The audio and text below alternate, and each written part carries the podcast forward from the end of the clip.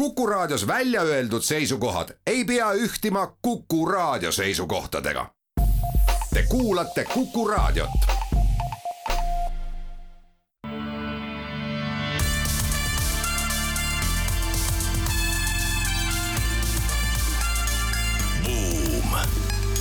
buumile annab hoogu SEB Pank tere päevast, head Kuku raadio kuulajad. on kolmapäev, kahekümne neljas august ja eetrisse läheb majandus, ettevõtlus ning juhtimissaade Buum. buumi saatejuhid on täna Ott Pärna Kuku raadio Tartu stuudiost ja Raivo Vare Kuku raadio Tallinna stuudiost. nagu tavaks on saanud, siis alustame põnevate majandusuudistega laiast maailmast. alustuseks vaatame otsa Suurbritannia Brexiti järgsele majandusele nimelt ennustatakse, et ühendus, Ühendkuningriigi inflatsioon kerkib jaanuarikuuks haripunkti, milleks on tervelt üheksateist protsenti teise uudisena vaatleme äh, seda, et Venemaa suurim äh, otsingumootor ja meedia äh, nii-öelda outlet laias laastus, internetimeedia outlet Yandex müüb oma meediaosaluse või meedias osaluse, mis on väga populaarne Venemaal, oma konkurendile Kremlile lähedal seisvale Vkontakte ja kui aasta tagasi ei saanud rääkida ühtegi saadet ilma puudutamata Covidit ja alles hiljuti ilma puudutamata Ukraina sõda, siis meil on teemaks energia. vaatame otsa ka Euroopa energiahindadele, mis teevad püsivalt rekordeid ja seejärel räägime sellest, et oksjonitel on saamas kuumaks kaubaks hinnaalandusega müüdavad Vene oligarhide arreteeritud äh, superjahid. aga paraku see raha nende müügist ei liigu mitte sinna, kuhu me kujutame ette ja uudiste osa lõpetuseks räägime teadlastest, kes väidavad, et liiga palju pingsat mõtlemist väsitab inimest.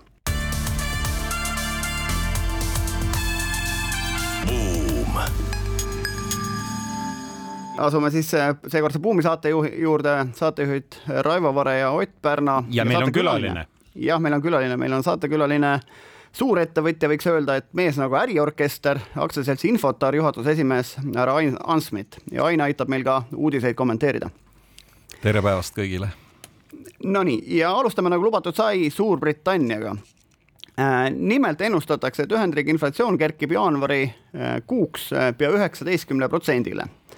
aga sellel teemal võib-olla laiemalt alustada, siis kolmeteistkümnendal augustil kirjutas ajakiri The Economist, The Economist loo pealkirjaga, et peaaegu miskit ei näi Suurbritannias töötavat ja see võib hullemaks minna. Inglise keeles siis almost nothing seems to be working in Britain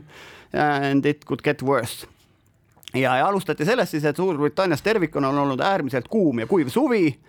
Äh, Lõuna-Inglismaal lausa siis äärmuslik, Lõuna-Inglismaa on siis see, mis on noh, Inglise kanali või siis prantsuse keeles La Manche'i väina, äh, väinaga külgnev osa Londonist siis circa sada kilomeetrit alla. Ja siin Southamptonis asuv suur ilmajaam on öelnud, et juulikuus Lõuna-Inglismaal oli null sademeid et see on esimest korda alates tuhande üheksasaja viiekümne seitsmendast aastast, kui siis sein on selline, seis on selline ja kohalikel keelati siis aedade kastmine, voolikutega auto pesemised ja muud sellised teemad ära. ja dušis soovitati ka lühemalt käia ja nii edasi ja nii edasi. Nii on jah, aga, aga jah, teiselt poolt noh, London on jätkuvalt ikka metropol, ta on maailma, maailma suurim linn, kõik tahavad minna, ma just rääkisin siin Eesti inimestega, kes Londonis toimetavad, noh, muusikud tahavad jätkuvalt Londoni lavadele minna, baleriinid tahavad sinna tantsima minna, ettevõtjad tahavad sinna müüa London ja Inglismaa mõlemad on kasvanud viimase paarikümne aastaga siin mitukümmend või circa kümme protsenti, London veel rohkem. et, et, et selline on, aga, aga jah, majanduse poole poolt see inflatsiooni kirves nende, nende pea kohal on ja siin ähm, energiaettevõtted soovitavad valitsustel üht koma teist ette võtta. et Raivo, mis sa sellest asjast arvad? no alustame sellest, et tegu on siiski väga pretsedenditu asjaga, kuna, kuna või tasemega, sest olgem ausad Äh, siin on öeldud ka kuskil, et see on pärast OPEC-i teist naftašokki tuhande üheksasaja seitsmekümne üheksandast aastast alates on tegu kõige kõrgema inflatsiooniga üldse, mida nad on siin prognoosinud. noh, tollal oli seitseteist koma kaheksa protsenti, ligi protsendipunkti vähem, kui praegu prognoositakse. isegi kui mõned prognoosid on väiksemad, need numbrid on ikkagi viisteist pluss. Ain tahab ka kommenteerida jah, ma omalt poolt lisaks, et, et kus on see inflatsiooni aluspõhjus, on ikkagi ju aastast kaks tuhat kaheksa, kaks tuhat üheksa, kaks tuhat kümme olevas kriisis, kui sellest kriisist eh, hakati välja minema sellega, et et Euroopa Keskpank ja USA-s Föderaalreserv ja ja Inglise Keskpank ja kõik hakkasid ju raha juurde trükkima ja nüüd on väga imelihtne, imelihtne trükkida, muudkui vajutatakse nupule ja, ja raha läheb, raha, raha läheb majandusse ja kui me varasematel aegadel vaatasime seda inflatsiooni tulnud, siis me olime tegelikult täiesti hämmastunud, et raha trükitakse nii palju, mitte midagi ei juhtu. Läks ju aktsiatesse, läks kinnisvarasse ja, ja noh. no toorme spekulatsiooni hakkas ja. ka liikuma, aga ta liikus nagu väljaspool reaalmajandust. ja, ja aga nüüd ikkagi näitab, et maja, kõik need majandusseadused on nagu loodusseadused, need töötavad, kuigi nihkega nüüd tuli aastal kaks tuhat kakskümmend kaks, aga tuli väga valusalt ja, ja alati on ju vaja mingisugust ajendit, et miks see juhtub, et need rohepööre ja, ja sõda ja kõik asjad kokku ja, ja, ja nüüd on siis see inflatsioon käes, pluss veel ikkagi noh, kümme aastat olid olid intressid ju peaaegu negatiivsed. no Brexit ka kaheldamatult konkreetselt UK puhul on ka sellega tegu, et, et äh, neil on mõt-, mingid asjad, ütleme niimoodi, tegu on perfektse tormiga, nagu meil kõigil praegu, olgem ausad. aga noh, kuna äh, Otil jäi sissejuhatus mainimata, et Ain on tegelikult vana pankur ja viinud siin Eesti äh, suurpangaks Eesti Ühispanga, mida me nüüd tunneme Seep Panga nime all selle juhina kolmeteistkümne aasta jooksul, siis tal kindlasti on ka meelde tuletada, meelde, et me kunagi alustasime. Ka, ma olin ka pangandus, siis me alustasime olukorras, kus inflatsiooniprotsendid olid tuhat ja ka kuidagi elati see üle. jah, muidugi, üheksakümnendatel oli inflatsioon äh, väga kõrge ja, ega inflatsioonil on ka omad plussid, eks, et tegelikult aktiivsed investoritel äh, inflatsioon aitab majandust arendada, arendada või ettevõtlust äh, arendada. et ega seal on omad plussid, omad miinused, aga noh, selge on see, et stabiilsust on vaja, eks, et selle inflatsiooni vastu peab võitlema, aga noh, ma olen ikkagi seda meelt, et nii lihtsate võtetega ei võitle, et ainult kui keskpank tõstab intressi ja langetab intressi või trükib raha juurde ja ei trüki raha juurde et siin on ikkagi kogu majandus on oluline, siin on majand-, majanduse nagu psühholoogiline pool äh, või kuidas öelda, massipsühhoos on, on tähtis, täht-, tähtis on innovatsioon, insener-tehniline mõtlemine, mõtlemine, uued äh, ideed ja nii edasi ma siia lisaks omalt poolt ka veel, et tegelikult eh, ikka Brexit andis oma panuse ka mingil määral sellepärast, et eh, ütleme niimoodi, looduse poolt peale sunnitud mängureeglid, need on meil kõigil kaelas. lõppude lõpuks Euroopas väidetakse, et on viimase viiesaja aasta eh, suurim põud ja, ja midagi teha ei ole, aga nüüd ütleme, need mõjud mingil määral siiski erinevad, sest Ühendkuningriigis hakkas ju inflatsioon kasvama ju tegelikult varem ja oli juba enne, kui kõik need asjaolud siin kokku langesid, eh, oli juba kõrgeim arenenud eh, suurmajanduste hulgas, oli üle kümne protsendi G7 hulgas riikides üheski ei olnud nii kõrge, nii et, nii et tegelikult on seal midagi ka sisse kodeeritud, mis seda eh, lööki annab ja muidugi energiahinnad veel sinna otsa. jah, Ott ütleme, Suurbritannias on kindlasti nagu ka teistes riikides üks oluline faktor veel, need on nimelt valijad, keda on kuuskümmend seitse miljonit, kes sugugi ei ole rahul sellega, mis siis Inglismaal parasjagu toimumas on või siis Suurbritannias laiemalt et vaid kolmkümmend kuus protsenti näiteks inimestest on rahul tervishoiuteenustega, eks NHS-i teenustega, mis on madalam alates üheksakümne seitsmendast aastast. ma ei tea, kuus koma kuus miljonit inimest on ravijärjekorras, mis on tõusnud siin Covidi eelse ajaga kolmandiku võrra kiirabi, mis peaks reageerima siis ütleme, infarktid, insuldid hiljemalt kahekümne minuti jooksul, täna jõuab kohale viiekümne kahe minutiga ja pole ime, kui jõuab ka teinekord kahe tunniga kohale. et, et, et see kodanikkonna nagu rahustamine on teema ja ma vaatan praegu, et Suurbritannias on kuus energiaettevõtet, kes müüvad siis jaeturul energiat ja ühe nendest, Scottish Poweri juht äh, on pakkunud välja valitsusele, et et võiks ära käppida siis äh, kodude energiatarbimise äh, hinna aastas milleks pakutakse siis kaks tuhat naela aastas, et sellest üles ei tohi minna. ja, aga ja tuleta meelde, et kui, mis seal number on? kõla mis seal prognoositav number on ju kuni kuus tuhat, mõningate prognooside järgi, üldiselt neli tuhat on enam-vähem konsensuslik. nii, nii et see on ja, see, mida kardetakse. aga juba see kaks tuhat on tegelikult kaks korda suurem, kui ta oli kaks aastat tagasi või poolteist aastat tagasi et, et ilmselgelt sensitiivne teema nagu sisepoliitilises mõttes ja, ja noh, valitsused ilmselgelt proovivad teha kõik, et, et kodanikkond oleks rahul, sest me teame, et kui ta pole rahul, siis me, me oleme siin, noh, Brexiti me juba saime, et, et eks see on oht, oht ka teistsuguste populistlike seltskondade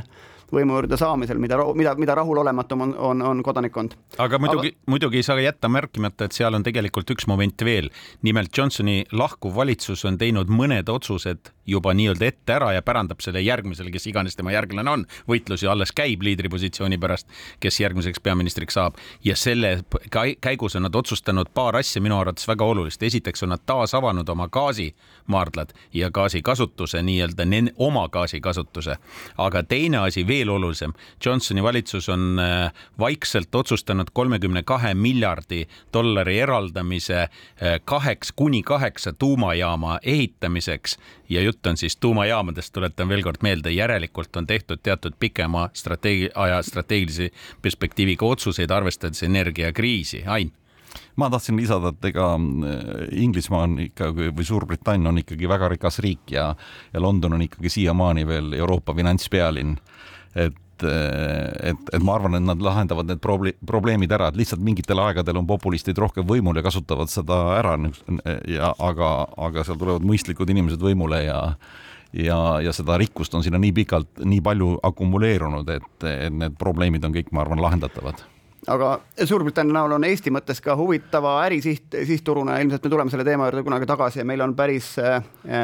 vilgas äridiplomaat Viljar Lubisel ka suursaadik praegult, et, et võib-olla avame seda teemat kunagi sügavamalt, aga teeme siinkohal väikese pausi.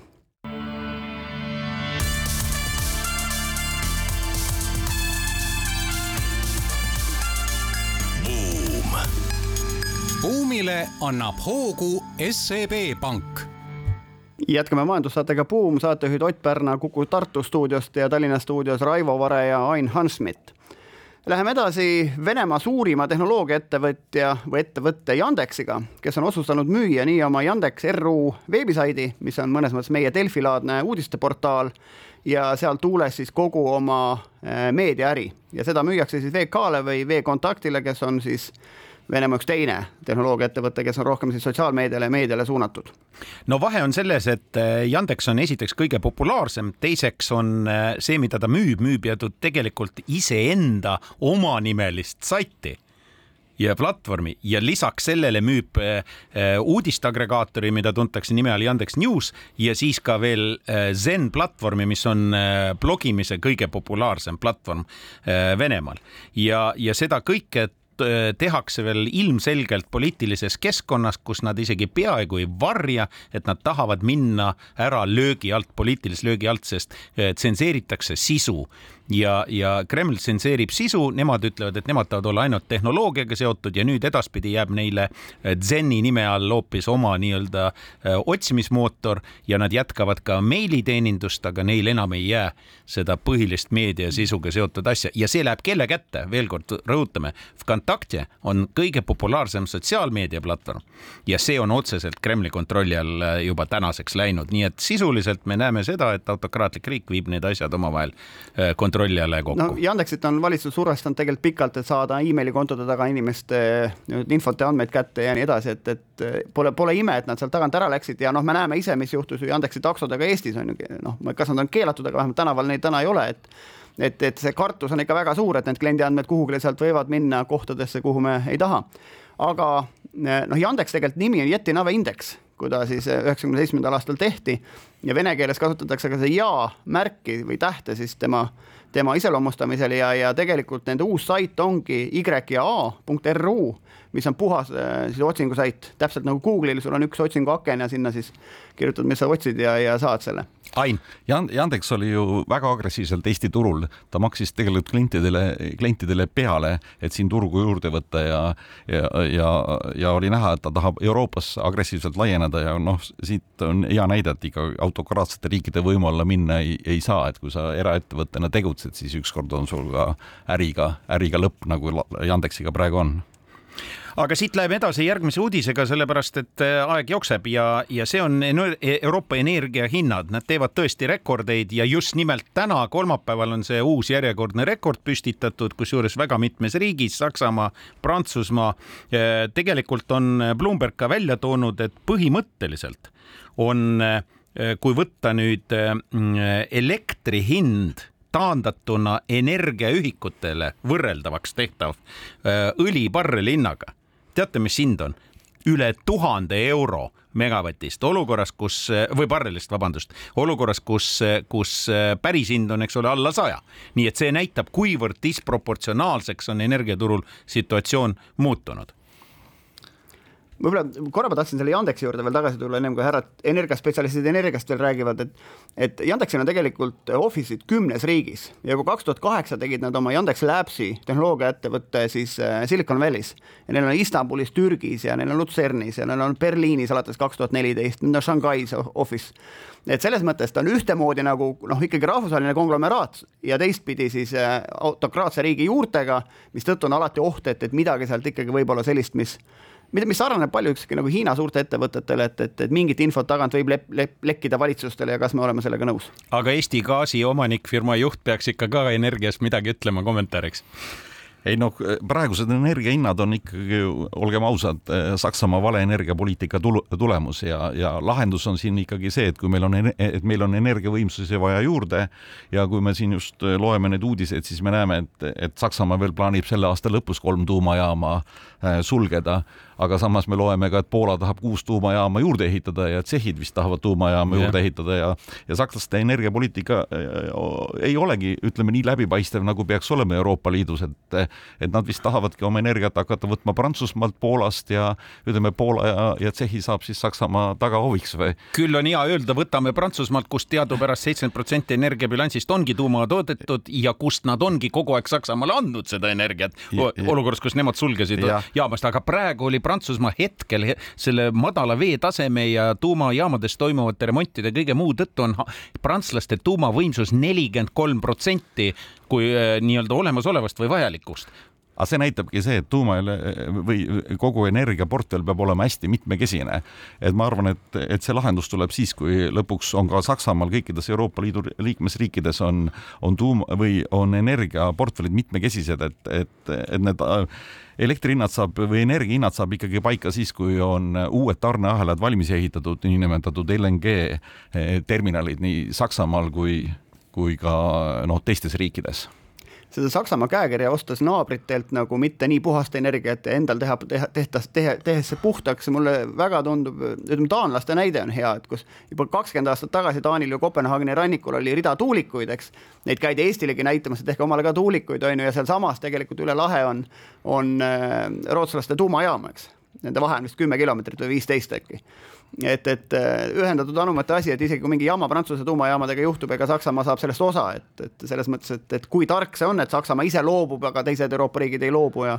ja noh, täna on siis hoopis teised teemad ka sees, et, et hind ennekõike, et kas me, millist energiat me üldse endale lubada saame või kust ta tuleb. ei no lõpuks on ta ju nullsumma mäng, et, et see sõda ju, tähendab esiteks rohepööre, siis see sõda tekitas selle olukorra, et praegusel momendil ikkagi Saksamaa ju mängis kogu selle LNG Eh, eh, või kogu gaasi mängis ju Venemaa peale ja nüüd need tarneahelad läksid ringi ja kui Venemaa hakkab müüma Aasiasse, siis see, kes, kus ennem Aasia ostis, hakkab Euroopa sealt ostma ja ma arvan, siin paari aasta jooksul need asjad lähevad kõik paika. jah, aga selle, need paar aastat tuleb ära kannatada, sest see on tohutu hinnakasvu ja võitluse aeg paraku ja mõjub kas, kogu majandust. aga kas mitte energiaga pole sama, mis nagu rahvusvahelise kõrgharidusega, et, et pikas perspektiivis nõudlus ainult kasvab, ehk siis mahta on vaja juurde turule, kui et eh, olemasolevaid ainult ringi jagada? Ain, oleme õigel teel sada protsenti nõus, et me juba aastal kaks tuhat viis vaat-, vaatasime, et tasub energiapoliitikaga, energiaga tegeleda, kuna aastal kaks tuhat viiskümmend energia tarbimine tõuseb vähemalt kaks kuni kolm korda, kuna, kuna, kuna linnastumine suureneb ja kui linnastumine suureneb, siis tegelikult inimesed tahavad järjest rohkem ja rohkem energiat. no lisaks see, et me lähme elektritranspordile üle ja see kasvatab tohutult, need numbrid ja. on koledad, aga see on ühe teise jutu teema no nii, osa sellest energiast läheb maailmas siis ka superjahtide tootmisele, mida siis on terve pinutäis hetkel ära konfiskeeritud peale siis Putini sissetungi või Putini eest veetud sissetungi Ukrainasse. ja nüüd läheb siis Gibraltaril esimene selline oksjonil müüki tegemist on siis sellise nagu Axioma nimelise äh, jahiga, mis on kakssada nelikümmend jalga ehk seitsekümmend kaks meetrit pikk originaalis oli ta poolenisti helesinine, umbes nagu Tallinki Galaxy eh, on ju, vist pisut väiksem. ja, ja, ja ta kuulus siis sellisele härrale nagu Dmitri Pumpjanski, kes, kes on, on torumagnaat. torumagnaat, kelle varanduse väärtust hinnati siin mõni aeg tagasi ühe koma ühele miljardile. aga selle nii-öelda müügi teine pool on põnev, kuivõrd mingi aeg tagasi oli jutt ja seda vedas ka tegelikult Zelenskõi eestpoolt, et, et kõik nende Vene magnaatide varade müügist minevad rahad võiks minna siis Ukraina ülesehitamisele või Ukrainasse, siis eh, see summa paraku on minemas ühte teise kohta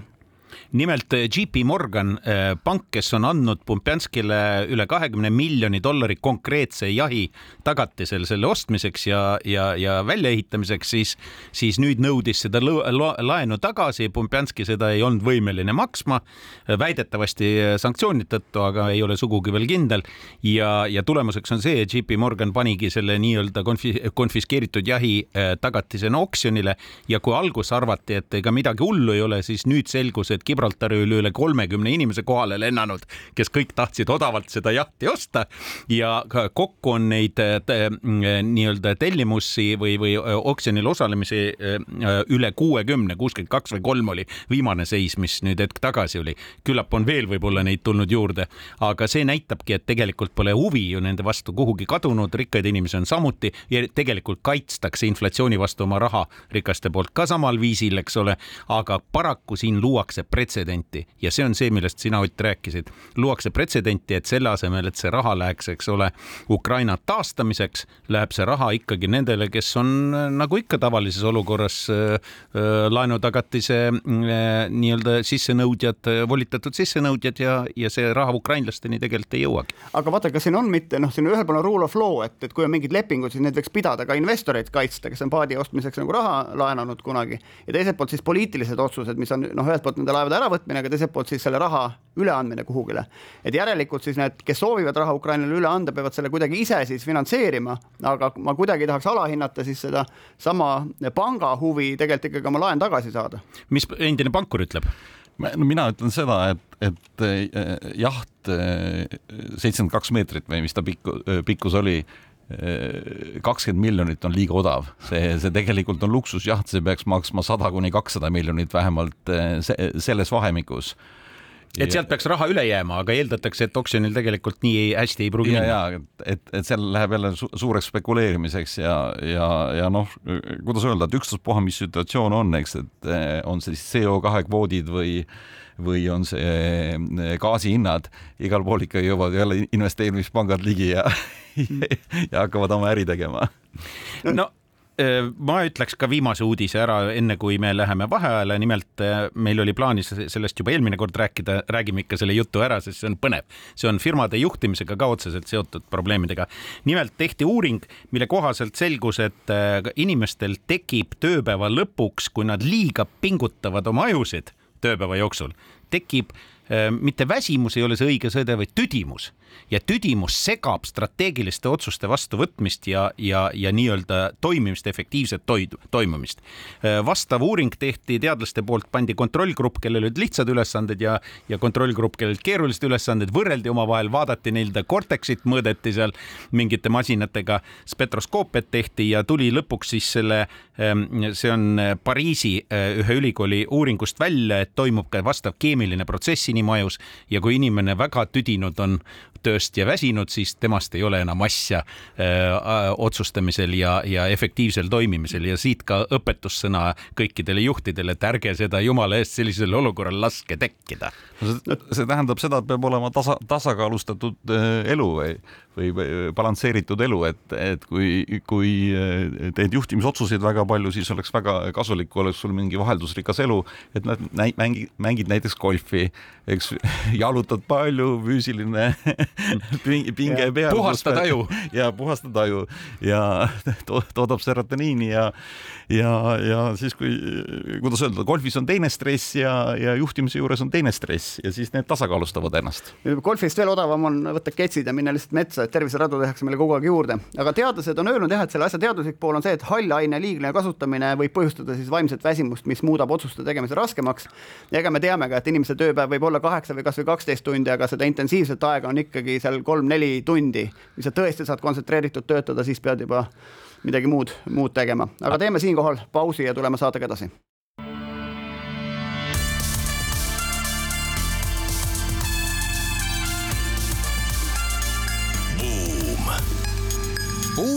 Annab hoogu SEB Pank saatejuhid nagu ikka Buumis Ott Pärna ja Raivo Vare ja meie saate äh, ankurkülaliseks on täna mees nagu orkester, nagu Ott juba tutvustas, ütles Ain Hanschmidt äh,. Ain juhib sellist firmat nagu Infortar ja, ja Infortar on tegelikult äh, investeerimisettevõte, kellel on siis väga lai diversifitseeritud huvide portfell, see ei ole sugugi ainult Tallink, mida enam-vähem kõik teavad ja mis on hästi suure tähtsa äh, rolliga Eesti majandus, vaid on väga paljudes muudes valdkondades esindatud, ma ei julge kõiki hakata siin peast isegi üles lugema, neid on nii palju lihtsalt. ja, ja kõigel lisaks on ta ka, nagu me juba kõlas saates, ka energiaga seotud, kuna äh, grupp on otsustanud omal ajal, see oli vist kaks tuhat kuusteist siseneda äh, ka energiaärisse ja on tegelikult sellise võtmefirma nagu Eesti Gaas praegu aktuaalse teemaga seotud äh, omanik. nii et tegelikult on need huvid väga laiad, aga räägiksime siis võib-olla sellest firmast paar sõna ja siis läheksime konkreetsete küsimustega jah, me,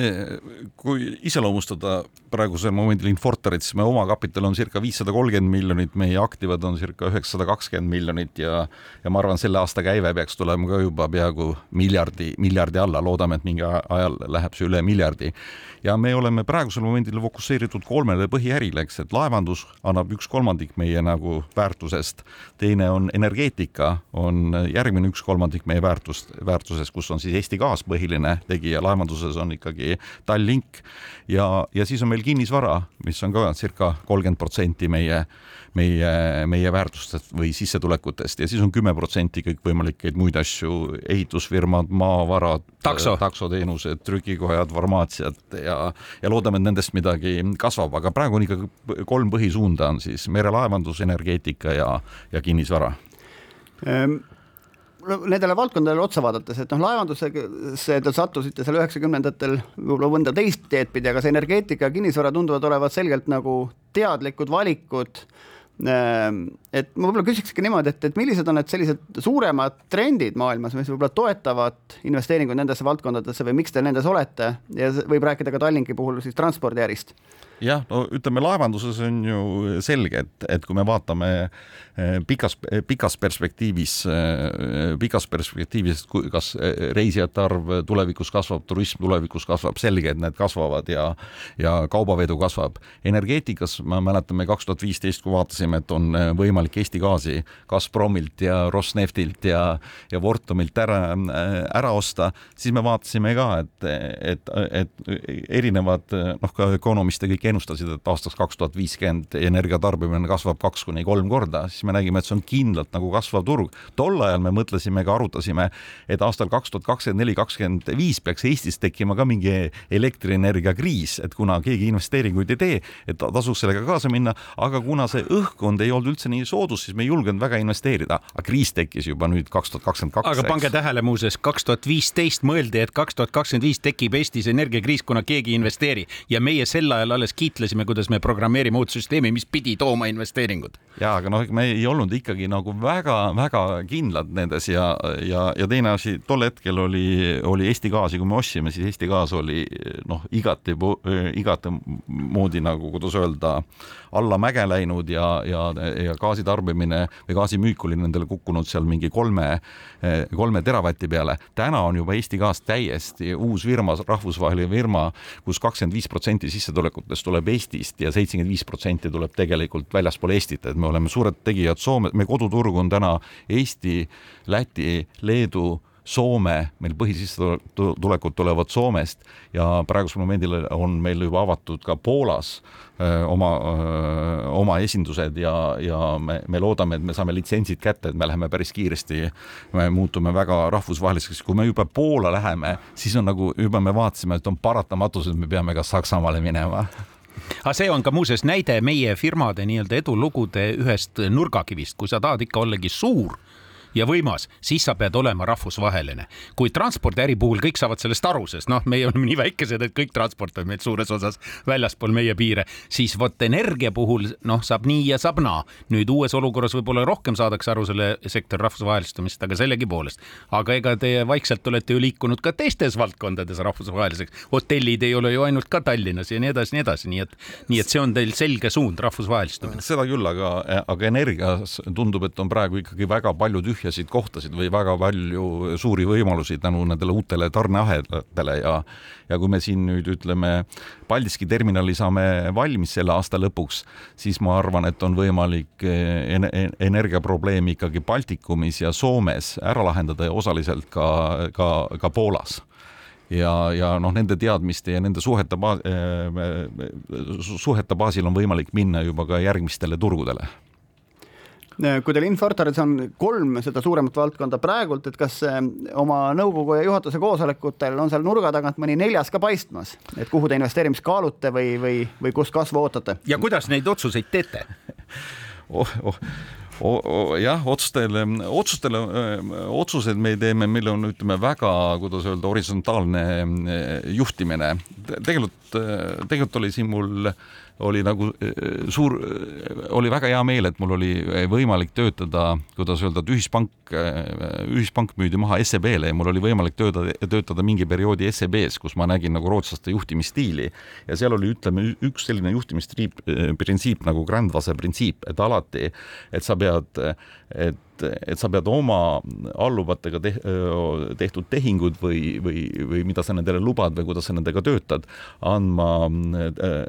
teavitama sellest oma nagu ülemust, eks. et niisugune grändvase, et noh, et, et vanaisa peab teadma, mida lapselapsed teevad, eks. ja siis suuda, suudad seda tervikuna juhtida ja vaata, see printsiip ongi see, mis on meil teinud selle, selle kõik Äh, selle otsustamise väga-väga kiireks. me põhimõtteliselt me ikkagi otsustame niimoodi, et kui on mingi idee tasand, siis me räägime kõik need asjad läbi. lõpuks, kui see idee nagu kõige tähtsam on ikkagi realiseerimine, eks see niinimetatud idee ideeks, aga täideviimine on kõige tähtsam, siis me siis me nagu need otsused, otsused, kui me juba teeme, siis on tegelikult on juba kõik sellest teadlikud ja noh, see seltskond on suhteliselt väike, kuna omanikud on juhtimises väga väga lähedal, Enn Pant, Kalev Järvelil, mina, eks siis, siis me, siis, siis kuidas öelda, informatsioon on kogu aeg olemas, eks no siin on näha sellist äh, juhtimiskultuuri spetsiifikat äh, kitsama omanikeringiga äh, investeerimiskontsernis, aga, aga tagasi tulles ikkagi, kas neljas valdkond ka ikka paistab seda, mida Ott küsis ja millele sa ei vastanud veel? ja no vaata neid, kuidas öelda, neid ärisaladusi ei saa välja öelda, eks, et ei, ei tohi, et, et praegu ongi ju noh, maailmas on jube palju seda niinimetatud show business'it, eks, et kogu aeg räägitakse, et teeme seda, kolmandat, et rohepööre käib, on ju, vesinikutehnoloogiad on olemas olemas, tegelikult midagi ei ole, eks. ja, ja show off business või kuidas seda, seda öelda, et, et selles suhtes ma arvan, ikkagi ikkagi töö kiidab tegijat, et nagu teod lõpuks näitavad, et see, mis on võimalik, et me ei taha nagu ette midagi öelda, aga, aga igal juhul me otsime nagu mingisuguseid võimalusi, kui tekib, siis me ikkagi seda kohe kasutame, eks. nii nagu kui varasematel aegadel Ain, sa ise vist ei ole Tallinki nagu laevandusega väga seotud, aga küll on su poeg ja tütar, ma tean, sellega seotud ja, ja Tallinki hotellidega ja nii edasi, et, et kui vaadata nüüd kogu seda Tallinna linna ja, ja seda sadamapiirkonda ja laevu ja turiste et kui kaugel me sellest oleme, et meist võiks saada ka selline nagu premium linn, kus sellised kallid turistid käivad, kes rohkem raha jätavad ja, ja, ja mis selleks veel tegema peaks? Vaata, selleks eh, on vaja ikkagi ühtset strateegiat, et riik ja, ja suurettevõtjad või, või ettevõtjad peavad ikkagi noh, käsikäes käima, et, et, et nagu kogu meie see majandusstrateegia peaks olema ikkagi, kuidas öelda, erakondade ülene, et ei saa niimoodi, et me nagu Eestit strateegiliselt juhime ainult koalitsioonilepingute järgi, mis on tegelikult lühiajalised, eks, et me peame eh, leidma mingi noh, kunagi väga pikalt arutati sellest, et oleks niisugune üldmajandusstrateegia on ju, mida siis nagu erakonnad kõik aktsepteerivad ja pikaajaliselt viime ellu. Ja, ja noh, turism on ju väga oluline asi seal sees, eks. et, et mi, hakkad ju väga lihtsalt mõtlema, et miks turist peaks Tallinnasse tulema. Ja noh, vanalinn on, on väga ilus, aga sa pead ikkagi leidma mingisugused meelelahutuskeskused, restoranid on meil head juba, meil on juba Michelin star restoranid olemas, meil on hotellid on head, meil on te teenindus hea, nüüd on vaja meelelahutuskeskusi, ma ei tea, Tivoleid, mis tahes, et tegelikult tuleb seda ühiselt, ühiselt riigiga teha. see on üks, teine on see, mida ma olen pikka aega rääkinud, mis on nagu niisuguse execution või, või täideviiv asi, et meil tasub igal juhul teha Maailmapanga aastakoosolekut, kus tuleb kümme tuhat jõukat inimest kohale, eks näevad, et on, on päris ohutu, on ju siin, et eh, kakssada kilomeetrit Vene piirini on ju, aga, aga, aga päris ilus linn, eks. EBRD aastakoosolekud, niisuguste suurte maailmaorganisatsioonide aastakoosolekud teha, inimesed tulevad pärast eh, perekondadega ka, ka siia eh, puhkama, et igal juhul me peame nagu pildile minema, eriti selles tingimustes, kus me praegu oleme, kus see raudne eesriie langeb, eks, siis me peame leidma tegelikult ju Eesti majandusele mingi konkurentsieelise, et miks välisinvestorid siia üldse investeerivad investeerivad või üldse, mis ka omad, miks siia investeerivad no Ain, me oleme proovinud teha sellist paari tuhande inimese konverentsi ja selleks kasutasime muuseas Tallinki tennisehalli, mida te suurepäraselt meile laenasite. aga nüüd kümne tuhande eest meil pole sellist kohta, kus Pirital ilus ilm ei ole rannas, et kõik on väljas, on ju. et kaugel no. me oleme sellise sabaga või habemega loost eh, Tallinna konverentsikeskus, et ja, kunagi tuleb või? jah, see on, see on õige, aga neid asju tulebki koos teha, eks, et seda ei saa teha üks eraettevõte või mis tahes, siin peab olema nagu riiklik strateegia, kus on ettevõtjad ja kõik koos ja oluline on see, mis on nagu ütleme alati probleem, et, et kuskil, kas Ökonomistis või eh, kuskil kirjutati ka seda, et, et magavad hiiglased ja, ja väikesed eh, noh, ütleme kääbused, eks, et, et, et, et suurfirmad oma rahvusvaheliste äridega, nendel ei ole nagu aega nagu valitsustega tegeleda, neid strateegiaid kokku panna, aga, aga siis käivad väikeettevõtted, noh, kui sa EAS-is töötasid või, või, või Arengufondis, siis sa nägid ka, et, et see keskmine toetus, mis ettevõtetel läks, oli nii väike, et sellega midagi teha ei saa. tegelikult tuleks ju meie nagu, kuidas öelda, lipulaeva laevasid toetada või neid, neid valdkondasid toetada või noh. kontsentreeritud toetus, mis annaks nagu efekti ja, äh, kiiremini et, et ja rohkem. kui tahame turismi arendada, on selge, et meil on vaja korralikku konverentsikeskust, eks, ja, ja siis tulevad hotellid, restoranid ka kõik juurde ja, ja noh, ütleme ööbimisega, kui kümme tuhat inimest siia tuua ei ole probleem, me toome ju reisilaevad siia ja inimesed ööbivad ära, eks me siin eelmine saade rääkisime filmiärist, kus üks invest-, euro investeeringut toob vist kuus või seitse eurot tagasi, noh konverentsiäris on kuskil vist neli või viis tuuakse tagasi. no miks need keskused ikkagi meil ei tule ja kas on nagu poliitiline küsimus, et keegi võiks nagu lipu üles tõsta, lubada, et kuramus, me teemegi selle ühe keskuse ära, sest et asjad on teemaks väga pikalt, aga, aga nagu ei juhtu ära. aga teeme siin väikse pausi, siis tuleme selle teema juurde kohe tagasi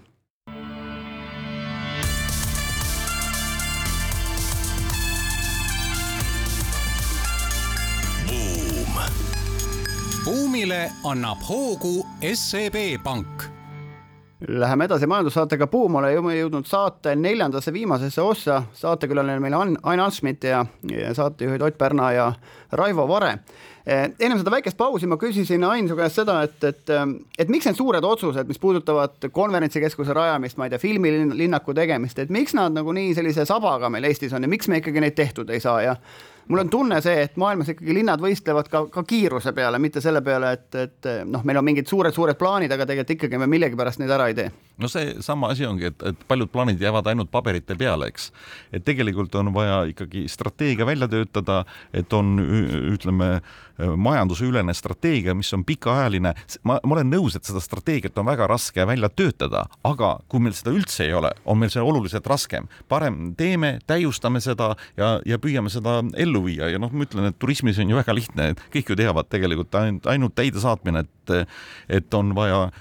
konverentsikeskust ja on vaja ühte meelelahutuskeskust, mingit Tivolit siia, kus tuleksid pereturism areneks ja, ja, ja nii edasi. ja siis kõik need restoranid ja hotellid ja need tulevad ju kõik, kõik kaasa ja see on ju puhas eksport. eks me ei pea ise midagi kuhugi saatma, kaupa tootma, vaid inimesed tulevad meie juurde ja kus meil, kusjuures meil on niisugused äh, jõukad riigid kõrval nagu, nagu Soome ja, ja Rootsi ja, ja Saksamaa ja need on ju kõik tulemas, aga ma ütlen, et eriti seda on nüüd vaja, kus on see raudne eesriie tegelikult langemas ja noh, ütleme Vene turism kaob ära ja nii edasi, eks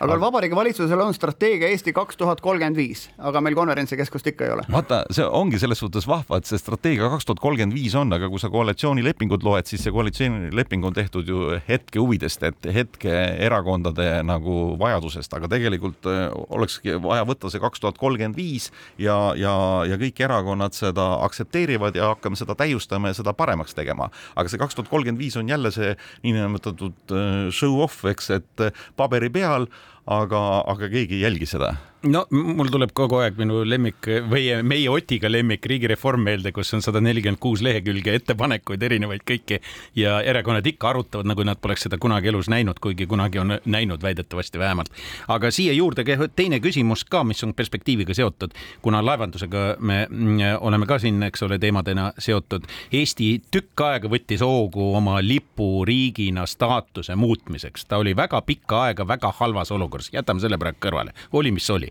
mina mäletan veel oma ministriaegadest, see kogu aeg on teema olnud. nüüd lõpuks tehti üks strateegia, võeti vastu mingid otsused ja teie olete kaugelt Eesti kõige suuremad laevaomanikud. no kuidas teile see meeldib, miks teie laevad ikka ei ole veel kõik Eesti lipu all? ja meil kahjuks jah, et viimane laev, mis meil tuli, oli LNG Holland, Hollandist ehitatud LNG punkerdamislaev ja, ja terminallaev ja, ja me tahtsime sellega minna väga Eesti lipu alla, aga kuna vaata, kui me teeme äri, eks, siis, siis meie, meie ärifookus on on sellel noh, et me peame kauba saama, me peame seda kauba müüma, ma pean, me peame teenust osutama. aga nüüd see keskkond peab olema meil kindel, juriidiline keskkond, maksud, need asjad peavad kõik paigas olema, et sealt ei tohi kuskilt sisse lüüa. Ja vaata seda keskkonda, et seda maksukeskkonda, seda, seda kindlustunnet meil ei olnud, et meil ei, tule mingi kolme või kuue aasta pärast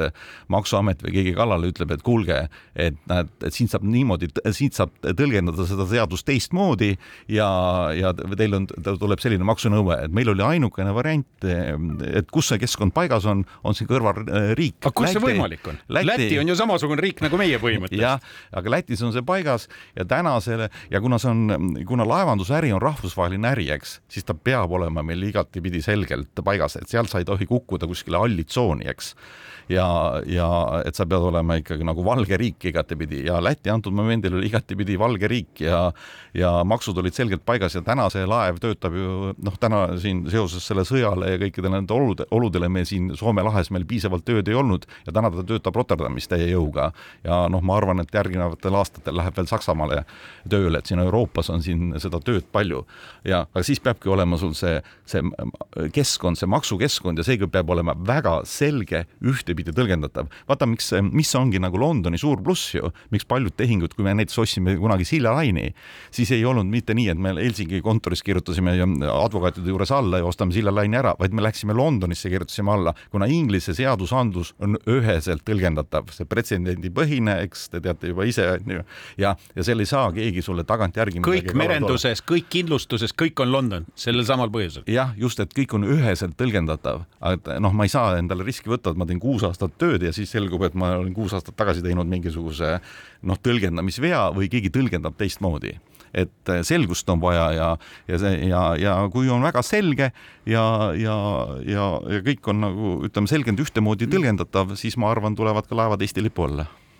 me teame seda, et mida keerulisemaks läheb majandus, seda keerulisemad on need küsimused ja ei saa valitsus üksinda hakkama, ei saa ettevõtjad üksi hakkama. et kas meil peaks olema mingeid selliseid, ma ei tea, era- ja avaliku sektori koostööplatvorm, ma ei tea, Finance Malta on näiteks, et, et selleks, et fondid registreeriksid ennast Maltale, on tehtud siis era- ja avaliku sektori ühine koostööplatvorm, kus siis kogu aeg arutatakse, et kuidas seda sektorit arendada, mis on järgmine otsus, et see ei ole nii-öelda selline üks-ühele korruptiivne diil, keegi saab soodsa tehingu, vaid ongi nagu seda, seda keskkonna arendamiseks on selline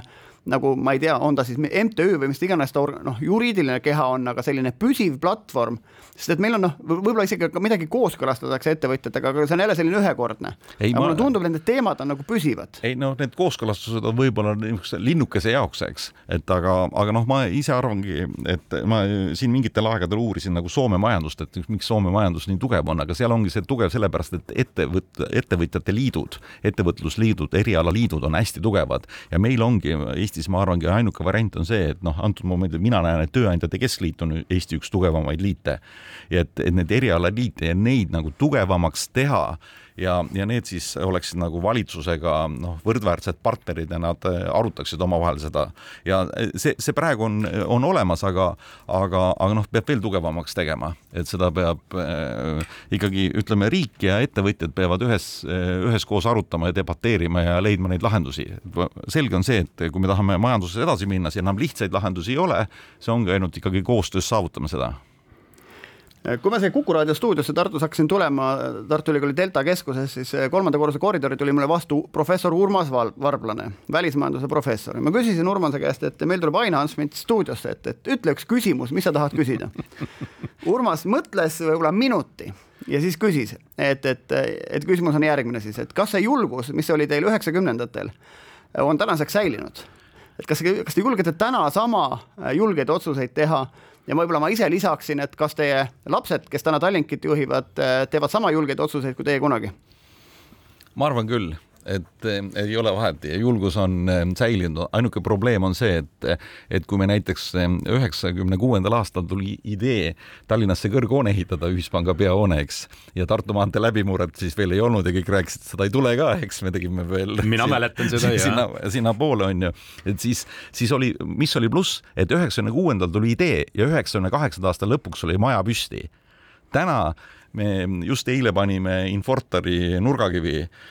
Liivalaia, Infortari uue maja nurgakivi Liiv, Liivalaia tänavale, vana Eesti gaasimaja asemele eks, et siin oli ikkagi noh, ütleme aastaid. kui kaua see oli, kui kaua see oli? tead, ma, ma. ühe teie kolleegi, nii-öelda see kinnisvarasektori kolleegi käest ma kuulsin, et temal läks kaksteist aastat Tallinnas täna nähtava objekti püstipanekuks, ma ei hakka nüüd nime nimetama. ma, ma, ma olen olnud protsessides, kus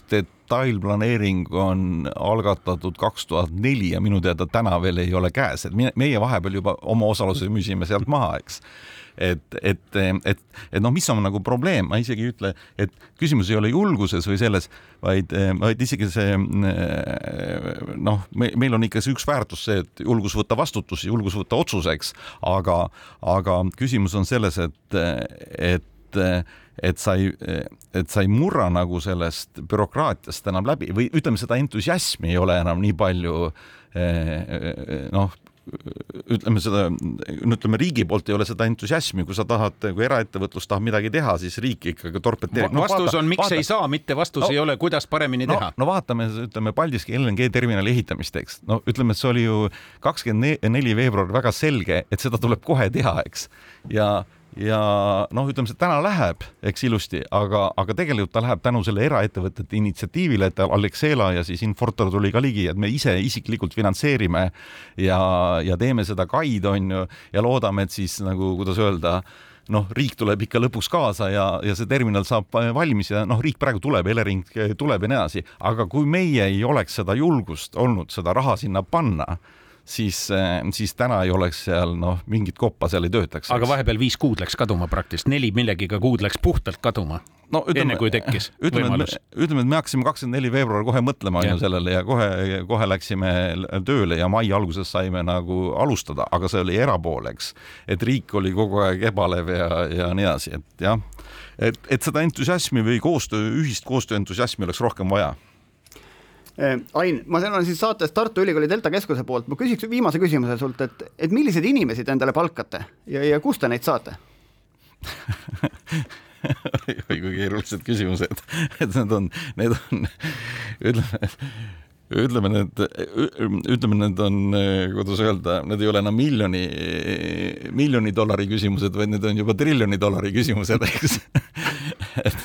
okay, no eks okay. me teeme, eks me teeme ikkagi samat moodi tööd ja sama inimlikult eh, palkame nagu teised. et eh, ega siin vahet ei ole, kasutame kõikide firmade abi ja, ja räägime ise ja, ja nii ta on. okei okay,, Buumi saate aeg on tänaseks ümber, suur aitäh, Ain Hansmit Kuku raadiosse külla tulemast, oleme eetris taas nädala pärast, seniks teile kena päeva jätku.